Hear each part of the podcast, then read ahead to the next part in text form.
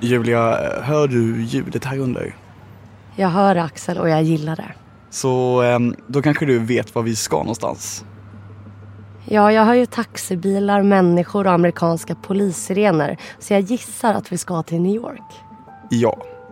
Och eh, jag har ju under de senaste åren varit helt besatt av en bedragare som tog sig hit och lurade New Yorks, eh, vad ska man säga, uh, unga hipstersocietet på massa, massa pengar.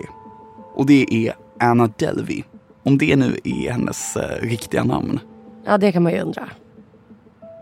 Ja men Julia, den här berättelsen har ju allt. Det är en mystisk tjej i solglasögon med ett shoppingberoende. Det är pengar som försvinner. Det är rika människor. Och det är konstvärldens crème de la crème. Alltså allt som behövs för att skapa drama. Och nu börjar det. Authorities say the 28 year old is a fraudster who owes nearly $300,000 to banks, hotels, and friends. Anna Delvey was pretending to be a high flying German heiress, living a life of glamour among Manhattan's elite. Many people see you as the ultimate scammer. Are you? No, absolutely not. She turned to fraud to finance a lifestyle she could never afford. Välkommen till Högt spel. En podd som handlar om bedragare som fört andra bakom ljuset eller antagit falsk identitet. Det här avsnittet handlar om Anna Delvey. Hon kom från ingenstans och började umgås med kändisar, blev bjuden på resor till Venedig och flög privatjet. Det är dags för berättelsen om tjejen som blåste New Yorks societet. Jag heter Axel Winqvist. Och jag heter Julia Lyskova.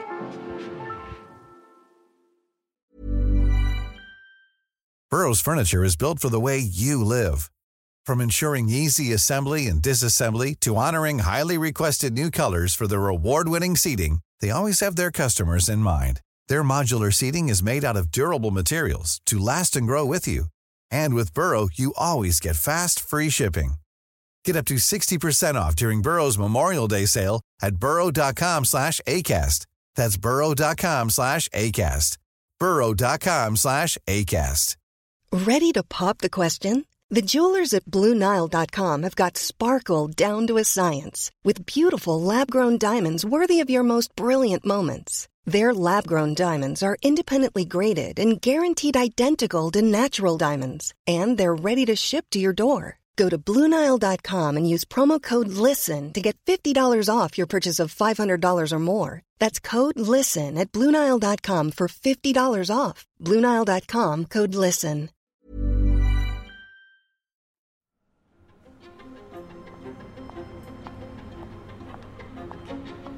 Vi befinner oss i New York.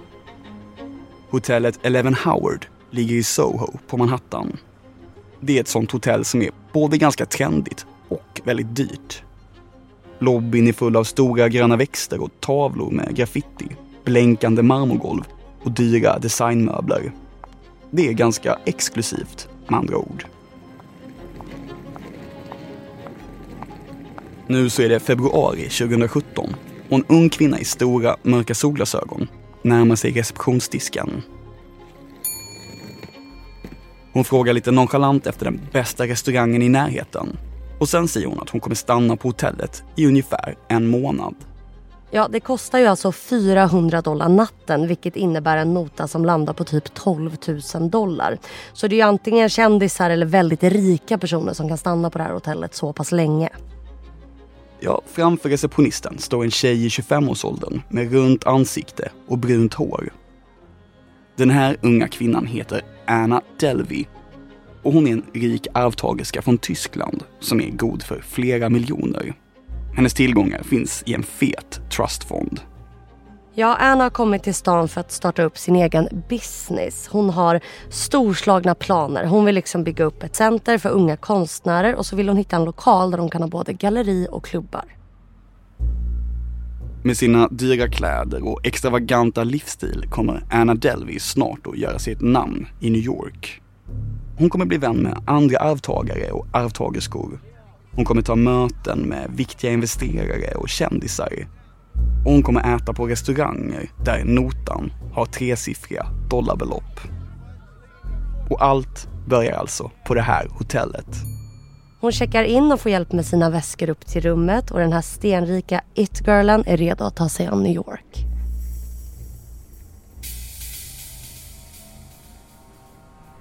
Innan vi kommer tillbaka till Anna Delvey så måste vi backa bandet och introducera en ny person först. Men vi är kvar i New York. 2016 befinner sig en tjej som heter Rachel Williams på restaurangen och nattklubben Happy Ending på Lower East Side. Julia, kan du beskriva hur hon ser ut? Ja, på bilder så ser Rachel väldigt liksom hel och ren ut. Hennes hår är ljusbrunt och perfekt fönat med stora lockar. Hon har fina kläder och precis lagom mycket smink. Rachel har landat ett väldigt credit jobb som bildredigerare på tidningen Vanity Fair. Och hon är här på Happy Ending tillsammans med några vänner. Lokalen är dimmig, folk dricker vodka med svarta sugrör och musiken är hög. Plötsligt så står det en tjej framför Rachel med en ishink och några flaskor bubbel i sin famn. Det är vår huvudperson, Anna Delvey. Hon har ganska isiga blå ögon, en rätt speciell och väldigt intensiv blick. Anna känner några i Rachels sällskap och nu hamnar tjejerna bredvid varandra. Senare berättar Rachel Williams om sitt första möte med Anna Delvey i amerikanska The Dr. Oz Show. She was um, cheerful, fun loving. Uh, I was intrigued by her because I had seen her on social media in photos with some of my friends and had noticed that she had a really large Instagram following. So I was curious about who this new person in our group was, um, and I was excited to meet her. Anna är en rik tjej och precis som Rachel så har hon arbetat på en trendig tidning på Purple Magazine i Paris. Nu säger hon att hon jobbar med konst. Dessutom har Anna över 40 000 följare på Instagram. Om man kollar på Annas bilder så är det selfies från Venedig och konstmässan i Basel. Det är mingelbilder med andra it-girls och lyxiga middagar där hon käkar hummer. Anna är bara 26 år gammal, men hon har alltså redan lyckats skapa sig ett namn i New York. Och varje gång notan kommer in är det hon som drar sitt kort. Ja, det verkar som att Rachel inte har något emot att bli bjuden på saker. Men de här två blir alltså väldigt goda vänner från och med den här stunden. De ses på en restaurang en tid senare.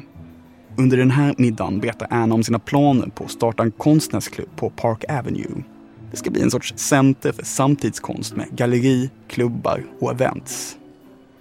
Ja, Anna vill att hennes konstcenter ska ligga i det anrika Church Missions House. Det är en historisk byggnad på Park Avenue South som ser lite ut som ett medeltida slott med tinnar och torn och en vackert utsmyckad fasad.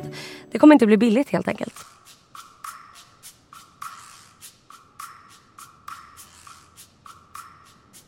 Det är en ganska storslagen plan att smälla upp ett konstcenter mitt på Manhattan på Park Avenue.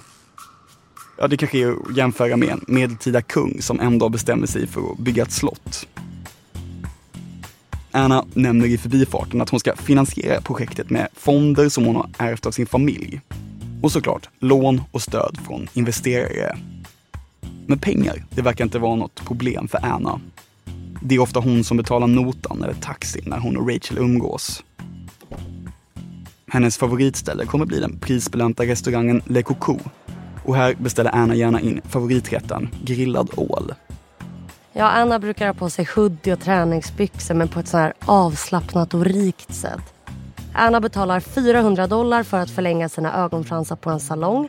Hon färgar håret hos kändisfrisören Marie Robinson som också har kunder som typ Jennifer Lawrence och Anne Hathaway.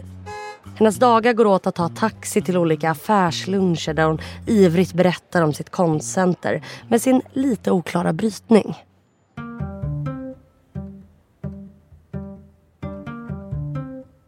Ja, Anna jobbar hårt för att hitta folk som kan stötta hennes konstcenter ekonomiskt.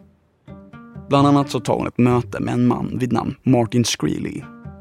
Han är numera en ökänd affärsman som gjort sig en förmögenhet genom att höja priserna på bromsmediciner mot hiv. Han kallas för Pharmabro i pressen och kommer senare att göra sig känd för att han köpt upp delar av Utan Clans katalog. Anna blir också bekant med den före detta barnstjärnan Macaulay Culkin som är känd från Ensam hemma-filmerna. Och hon ska också ha ett privatplan för att resa till en konferens för investerare i Omaha där bland annat miljardären Warren Buffett deltar. Ja, man kan inte anklaga Anna för att ligga på latsidan. Överallt så söker hon finansiering till sitt konstcenter och hon är en visionär och vill verkligen att det här ska bli av. Samtidigt så har Anna gjort sig riktigt hemmastad på sitt hotell Eleven Howard. En receptionist som heter Neff Davis kommer senare att berätta för tidningen The Cut att hotellpersonalen nästan slåss om att ge Anna service eftersom hon är så generös med dricks. Inte sällan är det en 100 dollarsedel som väntar på den som hjälper henne upp med väskan eller som serverar mat i hennes rum. Anna beter sig lite som om hon äger världen. Hon kan vara snäsig eller säger aldrig tack eller snälla. Men Anna beskrivs också som en ganska ensam typ. Det händer att hon sätter sig i lobbyn bredvid Neff med ett glas vin för att bara prata. De här två blir till slut kompisar och Neff får följa med till Annas personliga tränare. Det här är då ett pass som kostar 450 dollar per tillfälle men som Anna gladeligen betalar utan några som helst konstigheter.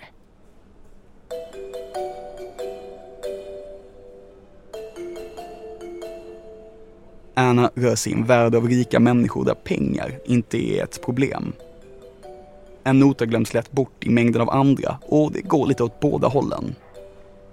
En kille som äger ett galleri bjuder till exempel Anna på en resa till Venedigs konstbiennal. Anna säger att hon ska betala för det här senare, men det händer aldrig. Anna lägger ut en bild på Instagram under den här resan, där hon står på en bro i Venedig. Det är lite motljus och solstrålarna har letat sig in genom linsen. Hon har håret utsläppt och en svart klänning. Hon har skrivit en caption där det står att det är dags för lite afternoon Bellinis. Hon rör sig i en klick där det finns så otroligt mycket pengar. Och ingen i hennes krets verkar tycka att det är en jättestor grej att glömma betala för en resa. Det är kanske lite som att bli bjuden på en lunch verkar det som.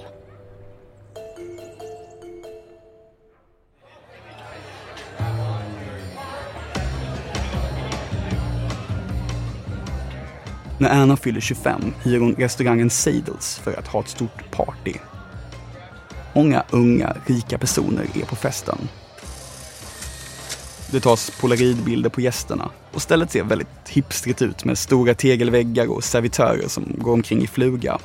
Ja, vi kan ju föreställa oss dyra viner och drinkar, att det aldrig är tomt i glasen och att födelsedagsbarnet hela tiden är i centrum. Men en tid senare får en av gästerna som fångats på en mingelbild tillsammans med Anna ett meddelande från restaurangens ägare. Det står “Vet du vad vi kan nå den här kvinnan?” Det visar sig då att Anna inte har betalat notan. Vem är egentligen den här mystiska tyska kvinnan?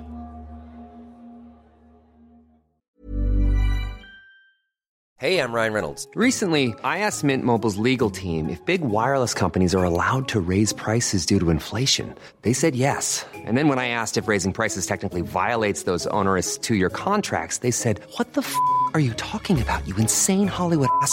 So to recap, we're cutting the price of Mint Unlimited from $30 a month to just $15 a month. Give it a try at mintmobile.com slash switch. $45 up front for three months plus taxes and fees. Promo for new customers for limited time. Unlimited more than 40 gigabytes per month. Slows. Full terms at mintmobile.com. When you're ready to pop the question, the last thing you want to do is second guess the ring. At BlueNile.com, you can design a one-of-a-kind ring with the ease and convenience of shopping online. Choose your diamond and setting. When you find the one, you'll get it delivered right to your door. Go to Bluenile.com and use promo code LISTEN to get $50 off your purchase of $500 or more. That's code LISTEN at Bluenile.com for $50 off your purchase. Bluenile.com code LISTEN.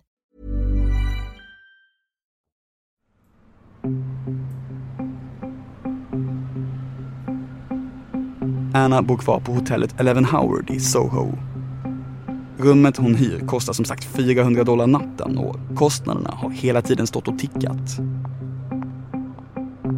Annas nota ligger nu på lite drygt 30 000 dollar, alltså ungefär 300 000 svenska kronor. hon har inte angett sina kreditkortsuppgifter någonstans.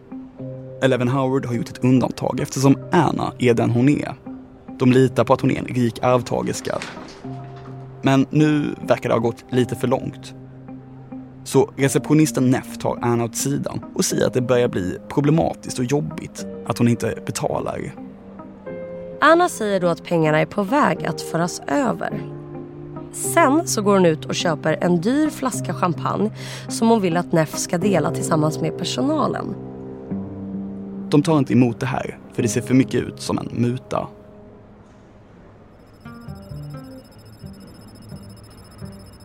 Men några dagar senare får hotellet Eleven Howard en överföring från Citibank som betalar hela Annas nota. Nu verkar allt ha löst sig.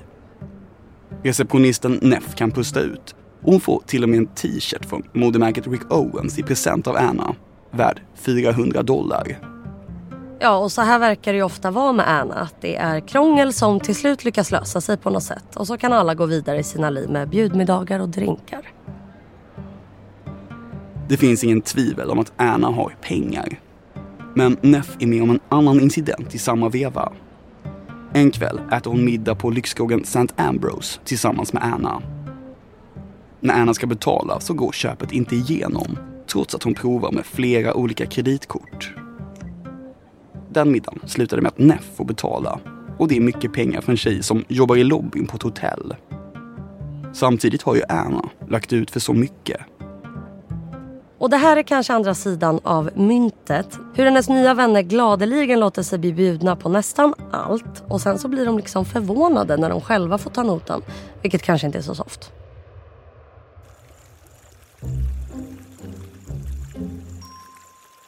Men Anna fortsätter att gladeligen spendera pengar. Inspirerad av familjen Kardashian planerar hon nu en resa till Marrakesh i Marocko med på resan följer hennes personliga tränare och en filmare som ska påbörja en dokumentär om Annas arbete med det storslagna konstcentret på Park Avenue. Men Anna vill även ha med sig en vän. Hon frågar därför Rachel Williams, tjejen från Vanity Fair som Anna träffade på nattklubben Happy Ending, om hon vill följa med. Anna ska betala för allt. En femstjärnig villa på lyxhotellet La Momonia som kostar, hör och häpna, 7000 dollar natten. Betjänter möter sällskapet vid incheckningen. På dagarna så shoppar de på marknaden i Marrakesh, de går på spa, de får en tur i vinkällan och så avslutar de kvällarna med cocktails. Och Anna tar också privata tennislektioner under resan. Så här berättar Rachel om resan i The Dr. Oz Show I have, I've traveled for work, I've been these places, but I have never been anywhere like that. We get there, there are these men in traditional Moroccan attire, they welcome you. It's this walled palace, this enormous hotel. And you go through, and there are like four different restaurants and three different bars, and it's extremely over the top. Anna vill som vanligt också shoppa. Sällskapet beger sig till en marknad i Marrakesh där Anna får syn på några marockanska kaftaner som hon verkligen vill ha. Men när hon ska betala så fungerar inte hennes kort. Så Rachel måste lägga ut. När de kommer tillbaka till hotellet beter sig personalen märkligt. Rachel noterar att de inte lämnar deras sällskap ur sikte och ser bekymrade ut. Det visar sig att Anna inte lämnat sina kreditkortsuppgifter till det här hotellet heller. Så nu tror personalen att de kommer smita utan att betala. Men Annas kort fungerar fortfarande inte. Så nu tillkallar hotellet sina vakter. Ja, Annas förklaring här är att hon inte har meddelat sin bank att hon har rest utomlands och att korten därför har blivit spärrade. Så det slutar faktiskt med att Rachel får lägga ut för vistelsen Hela 70 000 dollar får Rachel punga ut med. Det är alltså mer än en hel årslön. Hon flyger hem från Marrakesh och landar i New York med ett nästan tomt sparkonto.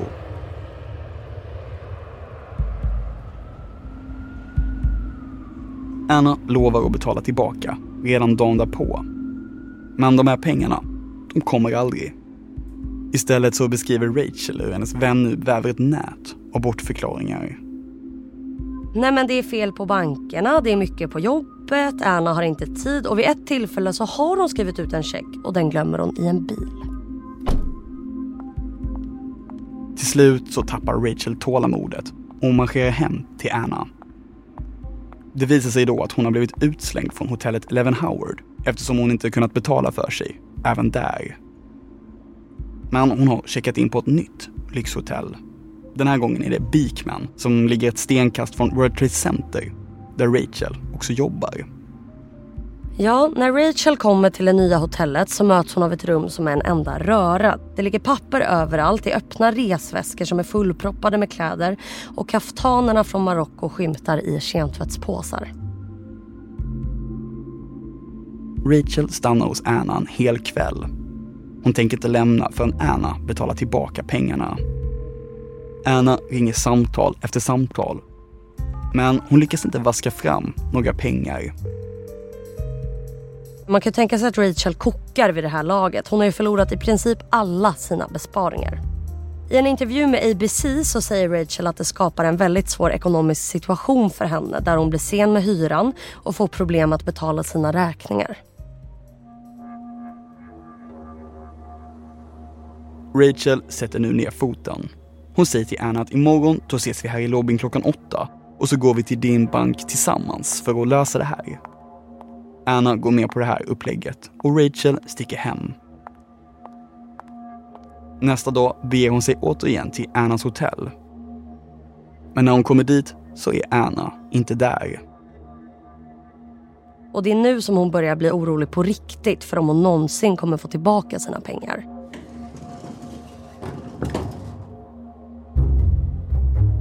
Rachel börjar nu göra en egen undersökning. Bland annat får hon kontakt med en kille som också lånat ut pengar till Anna. Den här killen berättar att hon inte betalade tillbaka förrän han hotade med att gå till polisen. Ja, den här killen säger att han tycker att det är lite konstigt att Anna haft så ont om pengar eftersom att hennes föräldrar är ryska oljemiljardärer. Här hajar Rachel till. För till henne så har Anna sagt att hennes föräldrar är tyska och att de driver ett företag som sysslar med solenergi. Killen säger också att Anna har sagt till honom att hon ska få ärva 10 miljoner dollar på sin 26-årsdag. Men hon har också sagt att det här arvet på något vis har blivit försenat. Rachel vet nu varken ut eller in. Vad är sant och vad är inte sant?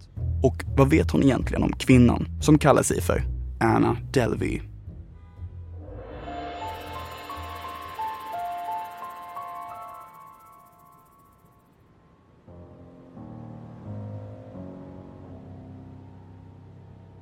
Trots att Anna ska vara god för flera miljoner med ett fett arv på ingång så verkar hon nu allt mer pressad. Det är som att allting håller på att falla och planerna på det storslagna konstcentret bara försenas.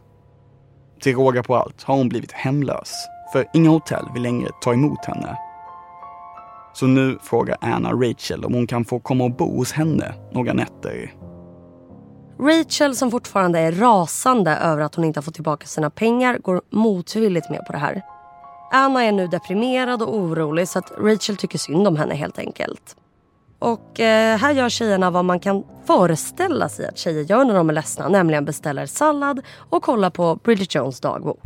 We've decided we're going to take you to Paris for the weekend so you can forget about everything, particularly forget about Mark Darcy. I can't believe you said what you said you said. I know. Anna vill vara Rachels vän igen och vill till och med bo hos henne. Men samtidigt har ju Anna gjort av med hur mycket som helst av Rachels besparingar och hon börjar inse att Anna kanske inte är hennes vän utan en person som till och med försöker blåsa henne. Så Rachel bestämmer sig för att sätta hårt mot hårt och hon går till en polisstation i Chinatown.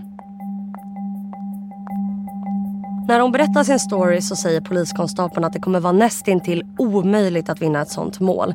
Det verkar inte ens gå att väcka åtal. Gör en crowdfunding istället med ditt vackra ansikte, föreslår polisen. Rachel gråter av frustration. Då ringer plötsligt Annas personliga tränare, alltså samma person som var med på resan till Marrakesh.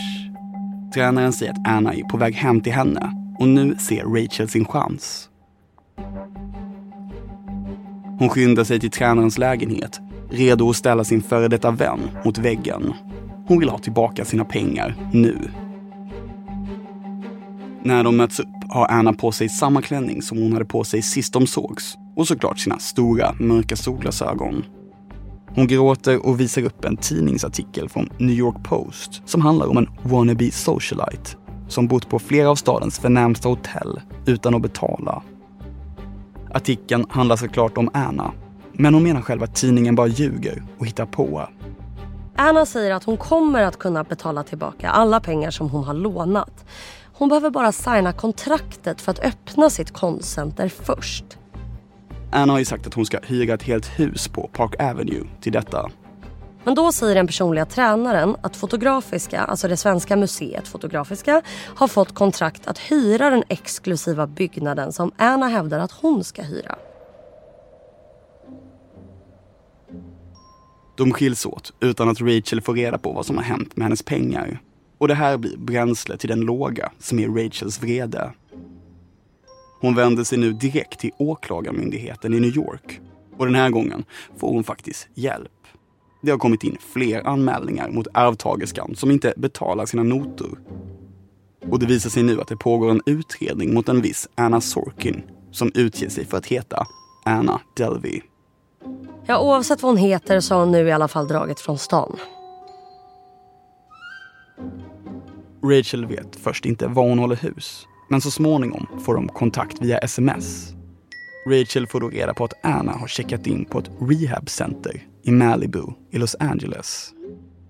Eh, vad hon är beroende av det framgår inte. Om det är så att Anna har utvecklat ett beroende efter sina levnadsglada år i New York eller om hon bara tycker att rehabcentret är ett bra gömställe, det vet vi inte riktigt.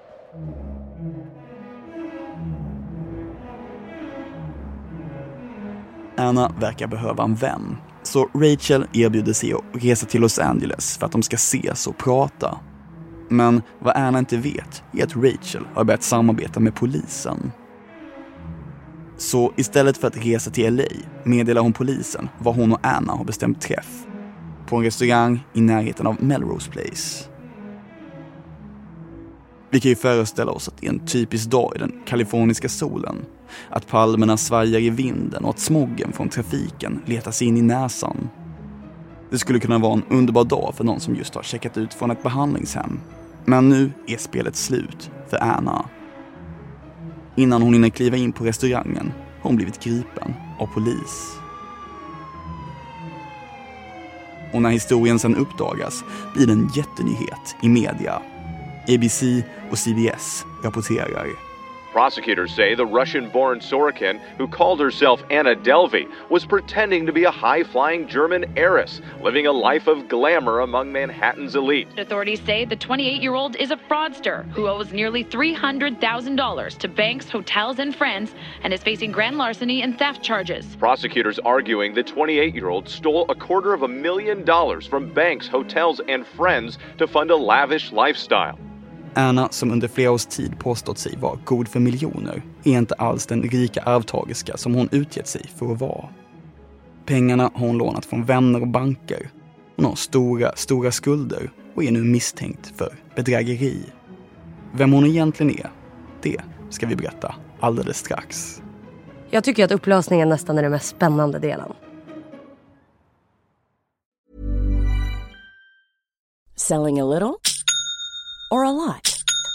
Shopify helps you do your thing however you cha-ching. Shopify is the global commerce platform that helps you sell at every stage of your business. From the launch your online shop stage to the first real life store stage, all the way to the did we just hit a million orders stage. Shopify is there to help you grow. Shopify helps you turn browsers into buyers with the internet's best converting checkout. 36% better on average compared to other leading commerce platforms because businesses that grow grow with Shopify. Get a $1 per month trial period at shopify.com/work. shopify.com/work. Even when we're on a budget, we still deserve nice things. Quince is a place to scoop up stunning high-end goods for 50 to 80% less than similar brands.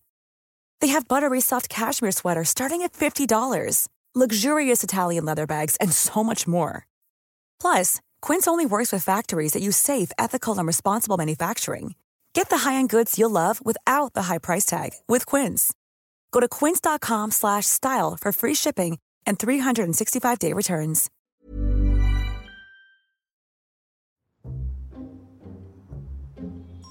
Anna Delvey som levt lyxliv i New York är inte den som hon utgett sig för att vara. Hon har nu blivit arresterad misstänkt för bedrägeri. Så vem är hon egentligen? Många har ju kanske ibland förfinat sin egen livshistoria på en fest eller så. Alltså försökt göra sig mer märkvärdig eller något. Och det här är väl ett klassiskt case av just det, men som har liksom ballat ur.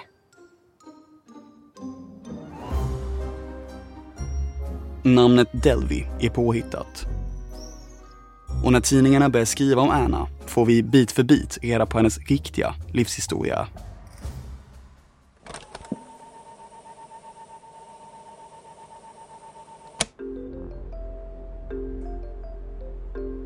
Anna är född i Ryssland i ett litet samhälle utanför Moskva. Hennes mamma drev en liten livsmedelsbutik eh, och det var innan hon blev hemmafru. Annas pappa han arbetade som lastbilschaufför och sen så fick han jobb på ett transportföretag i den tyska staden Eschweiler. Det är alltså i Tyskland som Anna spenderar sin sena tonår i en tvåplansvilla. Så att Annas familj är medelklass och de har visserligen hjälpt sin dotter ekonomiskt men några miljoner det finns det inte. Annas tyska klasskompisar beskriver henne som en tystlåten tjej som kämpade med språket och som älskade att läsa modetidningar. Hon får till och med smeknamnet Barbie på grund av sin kärlek till kläder. Anna har sen bott i London och Berlin innan hon fick den där praktiken på Purple Magazine i Paris. Och någonstans på vägen så måste hon ha fått smak för livets goda. Jag tänker att Anna kanske fick en inblick i de här exklusiva miljöerna under sin praktik. Och någonstans här har Anna insett att fuck det här kommer inte att gå utan pengar. Så när hon sen flyttar till New York så uppfinner hon sitt mer glamorösa alter ego, Anna Delvey.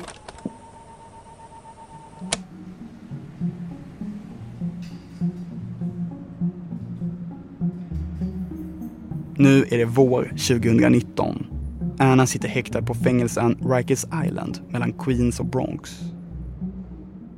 Det är känt för att vara ett tufft och våldsamt ställe. På bilder från fängelset ser man stora grå byggnader med små fönster och hela ön är omgiven av stängsel med taggtråd. Anna är åtalad för bedrägeri, men också för stöld, springnotor och för att försöka lura banker att låna ut pengar till henne på falska premisser. Lyxhotellen har ersatts med en fängelsecell. Och nu är det dags för rättegång. När Anna dyker upp i rätten så blir det ett stort mediauppbåd. Bland annat på grund av hennes klädval. Hon ska nämligen ha tagit hjälp av en stylist. Inside Edition rapporterar. Sorokin is so obsessed with her clothes, she refused to enter the courtroom because the outfit she was given to wear was not up to her standards. The angry judge told her, This is unacceptable and inappropriate. This is not a fashion show. Sorokin's lawyer, Todd Spodek, says accounts of his client delaying the trial because of fashion are being blown out of proportion.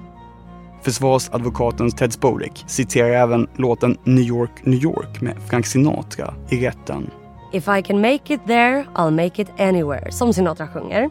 Ted Spodek i CBS igen. Fake it until you make it. Anna had to live by this. She initially was able to do things and get away with them legally. Uh, other people picked up bills, other people paid the tab.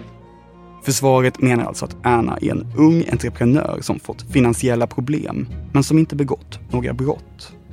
Ted Spodek vädjar rätten att visa förståelse för Anna. Försök tänka dig in i hennes situation, säger han. Hon har bara, precis som i Sinatras låt, försökt att lyckas i New York. Men det tycker inte rätten. I maj 2019 döms Anna till fyra års fängelse. Euronews rapporterar 28-year-old Anna Sorokin looked despondent as the verdict was announced, holding back tears and keeping her eyes closed. Judge Diane Kiesel said Sorokin had been blinded by the glitter and glamour of New York City as she turned to fraud to finance a lifestyle she could never afford. Men Anna frias från en del av anklagelserna. Bland annat för att ha blåst Rachel Williams på den där resan till Marocko. Här säger försvaret att Rachel Williams levt på Annas pengar under deras vänskap och det verkar vara väldigt svårt att bevisa att Anna skulle ha lovat att betala för den här resan. Anna avtjänar straffet på ett kvinnofängelse i New York. På sin egen hemsida, annadelveydiaries.com, börjar hon skriva texter om sin tid bakom galler direkt från anstalten. Den första texten har rubriken Life is hard. På sättet hon skriver verkar hon ha nästan lite författardrömmar. Anna skriver här att sitta i fängelse känns ungefär som en karantän. Bara att hon till skillnad från andra gör det med ett gäng mördare. Hon skriver också att hon förstår att fängelse handlar om att inte ha några rättigheter och att tvingas nöja sig med mindre. Men när hon får höra att granola-snacksen blivit utbytta mot donuts, då är det svårt att hålla hoppet uppe och tänka positivt. Men hon skriver också senare att hon ändå alltid har tänkt att positivt tänkande det är för idioter som föredrar att leva i förnekelse. Texten avslutas med att Anna skriver att hon hoppas att hon hittar sin väg innan hon blir religiös. Eller ännu värre, fet.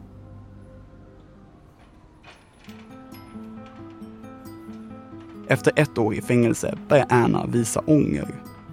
Under ett förhör om villkorlig frigivning säger hon för första gången att hon är ledsen för det hon har gjort.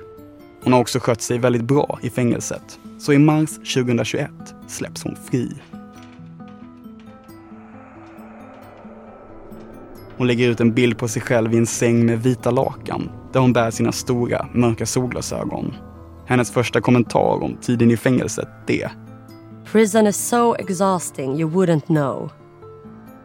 Det paradoxala är att allt som Anna drömt om under sin bluff, det vill säga pengar och rikedom, har nu möjlighet att bli verklighet. För redan under rättegången har Anna uppvaktats av Netflix, HBO och andra stora mediebolag som vill göra film och tv om hennes liv. Hon intervjuas också i amerikanska ABC där hon syns i en röd trenchcoat på Manhattans gator. Now out on parole, Sorokin's documenting her freedom on social media, moving into a new apartment, shopping and dining out. Her new life financed partly by a Netflix deal she signed while behind bars. It's said to be worth just over $300,000. Men även om Anna har bett om ursäkt så vill hon inte kalla sig själv för en bedragare. ABC igen. Many people see you as the ultimate scammer. Are you?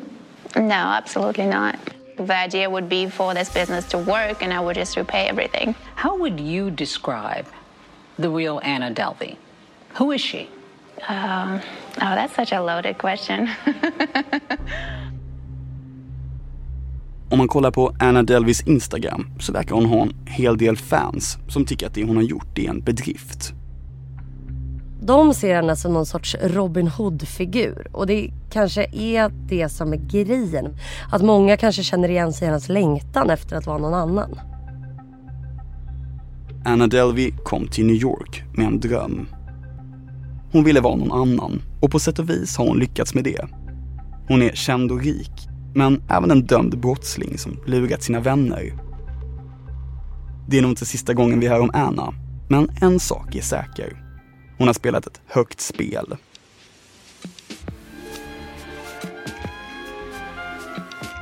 Högt spel är också namnet på vår podd med mig Axel Winqvist. Och med mig Julia Lyskova. Vi är tillbaka nästa vecka med en ny bedragare så glöm inte att prenumerera på podden så att du inte missar nästa avsnitt. Under arbetet med det här avsnittet har vi använt oss av flera olika källor men vi vill framförallt credda artikeln My Bright Lights Misadventure with a Magician of Manhattan skriven av Rachel Williams och publicerad i Vanity Fair.